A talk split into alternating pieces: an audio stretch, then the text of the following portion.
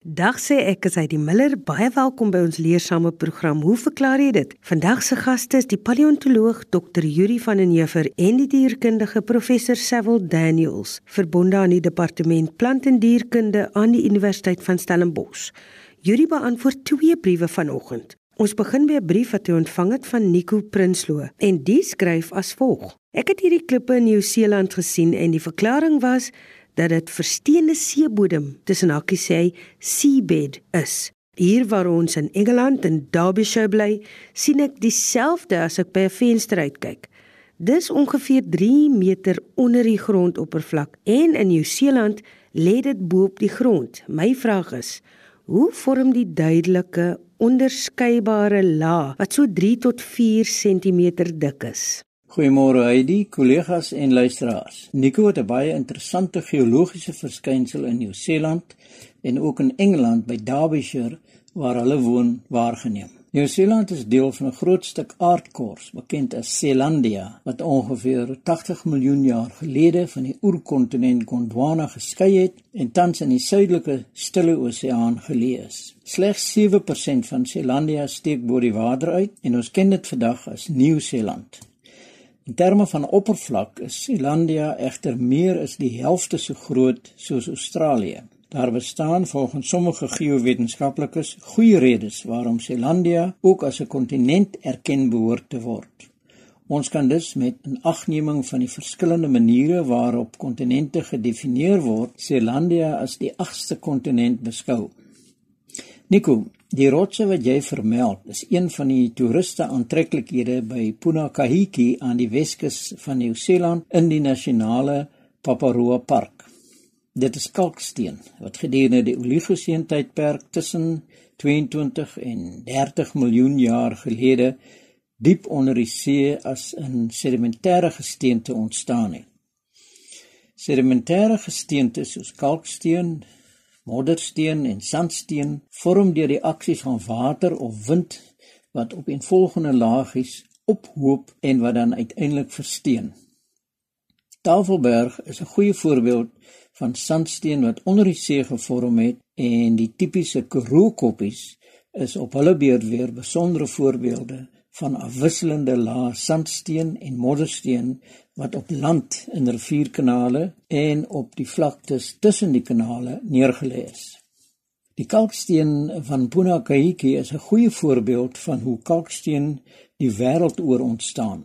Dit staan bekend as 'n organiese sedimentêre gesteente want dit vorm uit beenfragmente van seediere, stukkies skulp en koraal, alge en selfs fekale materiaal saam met onsuiverhede soos onoplosbare kleiminerale wat oor miljoene jare voortdurend op die seebodem neersif toenemend druk op die onderste laag uitoefen en dan uiteindelik so saamgepers word dat dit verhard tot kalksteen.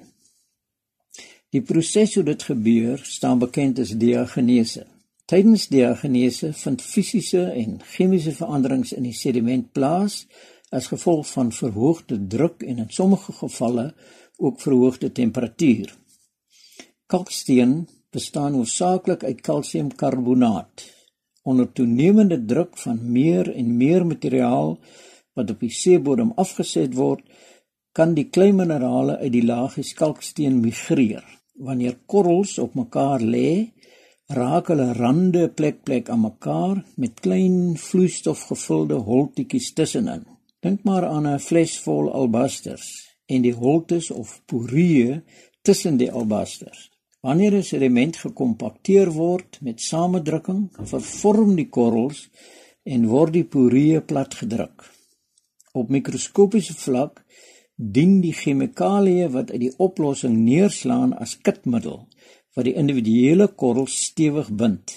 Saam met die vloeistof wat uit die holtes gepers word, loog die klein minerale ook uit en rangskik hulself dan as afwisselende horisontale laagies tussen die kalksteenlaag. Ek het ook kers opgesteek by die bekende geoloog professor Isak Rus, tans woonagtig in die strand en hy noem dat dit 'n bekende geologiese verskynsel is dat 'n mens dit geologies kan klassifiseer as horisontale stilogelaagdheid. Vandag is die kalksteen op land te sien en as gevolg van landsheffing, met ander woorde die beweging in die aardkors wat die seebodem aan die oppervlak ontbloot het, die lagies met die klein minerale is nie so duursaam en weerstandbiedend as die kalksteenlagies nie en verweer dus vinniger onder die aanslag van wind, reën en of seewater. Uiteindelik vorm dit dan rotse met horisontale gleuwe en lyk dit soos 'n stapel pannekoeke. Vandaar dan ook die naam pannekoekgesteente of pannekoekklip. Hierdie het ook nog 'n vraag ontvang van Tex de Swart. Tex se vraag lê as volg: Hoekom raak vere soos bladvere en spiraalvere in voertuie mettertyd pap Hy die vraag van Tex is swart het my laat regop sit. Want as ek dit nie mis het nie, is hy 'n oud kollega van my hoewel hy by 'n ander afdeling in die universiteit se brood verdien het. Sy vraag oor vere het my laat terugdink aan 'n ekskursie wat ons jare gelede na die hoërskool Calvinia onderneem het. Die universiteit het ons en twee ander persone soontoe gestuur om by een of ander funksie van die skool bietjie die universiteit gaan adverteer. Dit het alles gepaard gegaan met gesellige ete en dranke. Op pad terug het ek en Tex agter gesit, hy aan die linkerkant. Met die tyd kom ons agter dat hoe verder ons ry, hoe meer die agterkant van die motor aan sy kant sak. Ek was bewus dat Tex nie oormatig weggelê het aan die bekende versnapering van Calvinia te wete skuinskoep nie en dus moet daar 'n ander oorsaak gesoek word. Toe die motor by knikke in die pad gevaarlik begin deurstamp, besef ons dat die linker agterveer besig is om die gees te gee. Gelukkig het ons 'n bedrewe bestuurder gehad en hy het die veerstelsel vertroetel sodat ons uiteindelik veilig op Stellenbosch aangeland het. Interessant is dat dit weer vere is wat ons die eerste keer in jare na die Calvinia ervaring weer bymekaar bring. Die blaaie van 'n bladveer buig gedurig op en af en kan dus met die tyd hulle temper of hardheidsgraad verloor en die kromming is daarmee heen. Een manier om dit reg te stel is om die blaaie te buig sodat dit weer die oorspronklike kromming aanneem. Die veer moet uitmekaar gehaal word en die individuele blaaie word teruggebuig na die oorspronklike kromming sonder om dit te verhit. Dis egter net 'n tydelike oplossing, want na jaar of wat herwin die veer weer sy vorige vorm. Daar word daarna verwys asof die metaal 'n geheue besit en dan sy vorige vorm onthou en weer aanneem. Dit kan egter met 'n groot hamer reggestel word maar word nie vir die tuiswerkkundige aanbeveel nie. Aangesien dit 'n moeilike en 'n ingewikkelde taak is wat liewer in die hande van professionele persone gelaat moet word. Hulle gebruik gewoonlik 'n 50 ton pers wat elektronies beheer word. Hulle begin gewoonlik by die langste blad van die bladveer en gebruik dit dan as 'n templaat om die ander blaaie te buig. In die geval van baie ou motors moet nuwe bladvere gemaak word maar in baie gevalle is die spesifieke soort staal nie meer beskikbaar nie en ook nie in die geskikte groottes van alle ou motors nie. Dit is egter moontlik om veerstaal met hitte uit te glooi waarna die metaal sy geheue verloor en dan kan dit weer gebuig word sodat dit 'n nuwe geheue ontwikkel. In die proses word dit verhit tot ongeveer 900 grade Celsius en dan met behulp van 'n patroon 'n nuwe vorm gegee en dan word dit in olie afgekoel. Die verhitting en vinnige afkoeling maak die metaal egter bros. Dit word dan weer verhit tot ongeveer 500 grade Celsius, maar verloor 'n gedeelte van sy hardheid.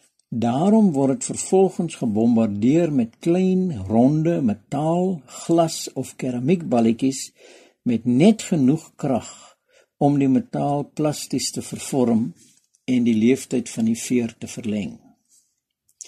Sulke wedergebore vere kos egter meer as nuwe vere.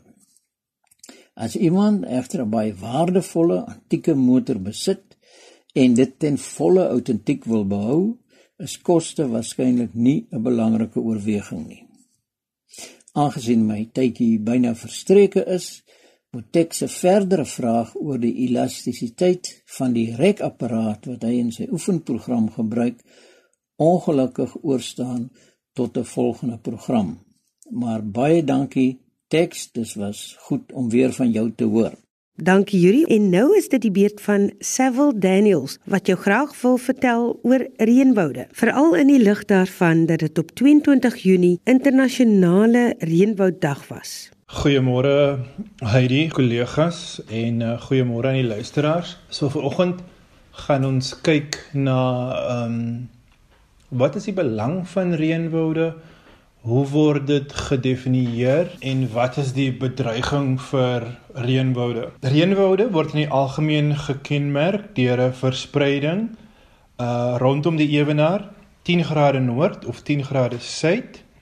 Ehm um, hierdie areas het ononderbroke reënval en daar's gewoonlik geen werklike seisonale veranderinge nie. Dit is ook belangrik om op te let dat reënwoude soos die naam aandui word gekenmerk deur baie hoë vlakke van ehm um, neerslag of presipitasie, met ander woorde reën. En alhoewel mense in die algemeen neerslag of reën in millimeters meet, ehm um, is daar soveel neerslag in hierdie tropiese areas dat ehm um, die gemiddelde uh hoeveelheid reën wat ontvang word varieer gewoonlik van 2.5 tot 4.5 meter per jaar in hierdie areas. So dit is 'n geweldige hoeveelheid reën wat in die trope val en uiteraard 'n groot impak ook dan het op die biodiversiteit veral van varswaterorganismes in hierdie areas. Die mees belangrikste of die grootste ononderbroke areas van reënwoude wat 'n mens globaal kry, is dan dit wat in Amazone voorkom um in die Demokratiese Republiek van die Kongo as ook in Suidoos-Asië. Maar dit is ook belangrik om op te let dat alhoewel reënwoude 'n groot area oppervlakte uh, beslaan, dat daar ook reënwoude in die noordelike halfrond voorkom. Mense dink byvoorbeeld of nie noodwendig reënwoude nie, maar groot hoeveelheid woude 'n mens dink um byvoorbeeld aan die boreale woude wat dan nou in Noord-Amerika sowel as in Rusland voorkom. Hierdie woude in teenstelling met die hoë vlakke van reën word weer gekenmerk deur baie hoë vlakke van sneeu wat daar voorkom en die areas is gewoonlik enige iets van 6 tot 8 maande gedurende die jaar dan nou bedek met sneeu en uit die aard van die saak is die temperatuur in hierdie areas ook gewoonlik dan baie laag. In Suid-Afrika is die woudbioom 'n redelik gefragmenteerde bioom. Dit beslaan minder as 1% van die totale landoppervlakte.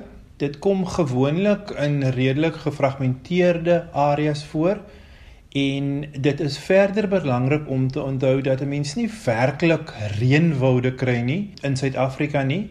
'n Mens kry afrotropiese woude Ehm um, en dan ook hierdie woude wat dan langs die kus voorkom of die Indiese Oseaan kusbeltwoude. Dit is belangrik om te onthou dat die Indiese Oseaan kusbeltwoude is 'n baie jonger bioom en die meeste ehm um, data dui daarop dat hierdie bioom gevorm het in die laaste 100 000 jaar of so toe die seevlakke 'n bietjie laer was. Uh die afrotropiese woude in teenstelling as mense nou dink aan die woude by Nysna byvoorbeeld of uh, in die Drakensberg of in Natal of in Mpumalanga hierdie woude het 'n baie ouer uh fonistiese element en hulle wys uh, baie ooreenkomste met die woude wat 'n mens wel in die trope vind. Maar 'n mens kry nie op sigself tropiese reënwoude in Suid-Afrika nie. Dit is verder ook belangrik om op te let dat daar heelwat unieke aspekte teenwoordig is in hierdie woude. Woude help byvoorbeeld met die regulering van die globale um klimaatspatrone. Hulle het 'n baie belangrike en kritiese rol in die produksie van varswater. Meer as die helfte van die terrestriële biodiversiteit kom in tropiese reënwoude voor en baie van die plante wat in hierdie woude voorkom word gebruik in moderne medisyne. Verder is dit ook belangrik om daarop te let dat ten minste 'n kwart van die wêreld se populasie is of direk of indirek afhanklik van reënwoude vir hulle voortbestaan. Die toekoms van woude, in die algemeen lyk dit nie baie goed vir reënwoude spesifiek nie. Uh daar word uh ten minste elke minuut uh 'n area so groot uh, as 40 voetbalvelde vernietig van hierdie reënwoude en dis hoofsaaklik as gevolg van um kleinskaalse boerdery um wat dan nou plaasvind in hierdie tropiese areas. 'n Mens moet ook onthou dat omdat die biodiversiteit in hierdie areas baie hoog is, sal 'n mens in die toekoms as daar nie effektiewe bewaring is nie, sal 'n mens baie meer biodiversiteit verloor in hierdie areas wat dan nou uh oor die langtermyn 'n baie negatiewe impak kan hê op die um ekologiese funksies binne woude. Dit is belangrik om te onthou dat in Suid-Afrika is daar baie goeie wetgewing vir die bewaring van woude, maar die toepassing van die wetgewing is gewoonlik redelik swak. Baie mense in Suid-Afrika is afhanklik van woude vir plante, vir medisyne, vir materiale om hulle huise te bou. 'n mens dink byvoorbeeld veral aan die pragtige huisies wat 'n mens sien in die Oos-Kaap. So daar is ongelukkig baie druk op hierdie areas. Uh maar 'n mens kan ook verstaan dat mense wat naby hierdie areas woon baie tradisioneel na aan die aarde woon. So dit is um van selfspreekend dat hulle die materiaal om hulle sou gebruik. So reënwoude krities belangrik vir ehm um, ekologiese funksies, ook natuurlik vir mense en 'n mens moet probeer om in die algemeen die woude te probeer bewaar vir die nageslag maar ook as gevolg van die hoë vlakke van biodiversiteit. Ek dink dit is ook belangrik om daarop te let dat ehm um, 'n onlangse studie wat befonds was deur die Nasionale Navorsing en Stigtingsraad vir die Oos-Kaap het bevind dat die biodiversiteit in die gefragmenteerde biome, woudbiome in die Oos-Kaap baie hoër is as wat 'n mens voorheen um van geweet het. So in die algemeen is woude um onder druk veral van mense uh en 'n mens moet uitwerklik probeer om woude in die algemeen te bewaar Sy wil beantwoord ook 'n vraag van Pierre Erasmus en Pierre skryf as volg: Ek het self vir natuurbewaring gewerk vir ongeveer 18 jaar en het die grootste deel van my lewe in die veld spandeer as natuurbewaarder, beroepsjagter en boer. Wat my opval is dat daar geweldige hoeveelheid voëls is wat swart vere op die kop dra. Dink maar aan die vinke, tiptolle, wieliewaleryers, vleevangers, mossies en vele ander. Wat sou die evolusionêre redes wees vir die aanpassing? Sover ek weet, kan voëls wel sien en as dit iets daarmee te maak het? Hoekom?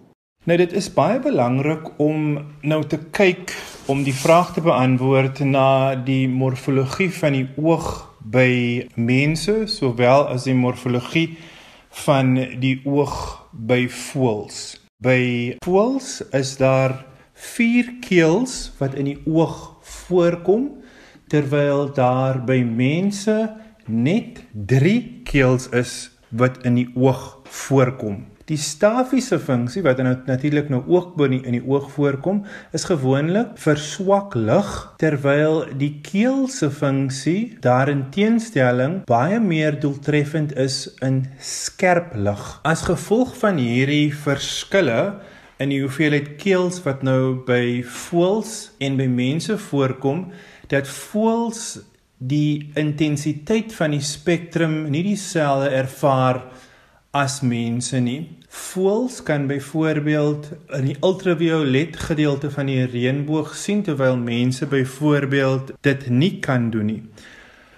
Maar gewoonlik wanneer daar aanpassings um, in evolusionêre biologie is wat by die kop van die voël te doen het, is dit gewoonlik een of ander seksueel geselekteerde um kenmerk wat die wyfie dan nou sal gebruik ter aanduiding van die status van die mannetjie. Hoe mooier of hoe groter die kam wat nou op die kop voorkom byvoorbeeld by die by die voëls is dit gewoonlik 'n aanduiding van die sosiale status by die voël. So ek het nou klaar gesê dat die voëls uiteraard die spektrum uh baie anders ervaar as mense. So dit is natuurlik 'n baie belangrike aspek wat 'n mens nou moet onthou.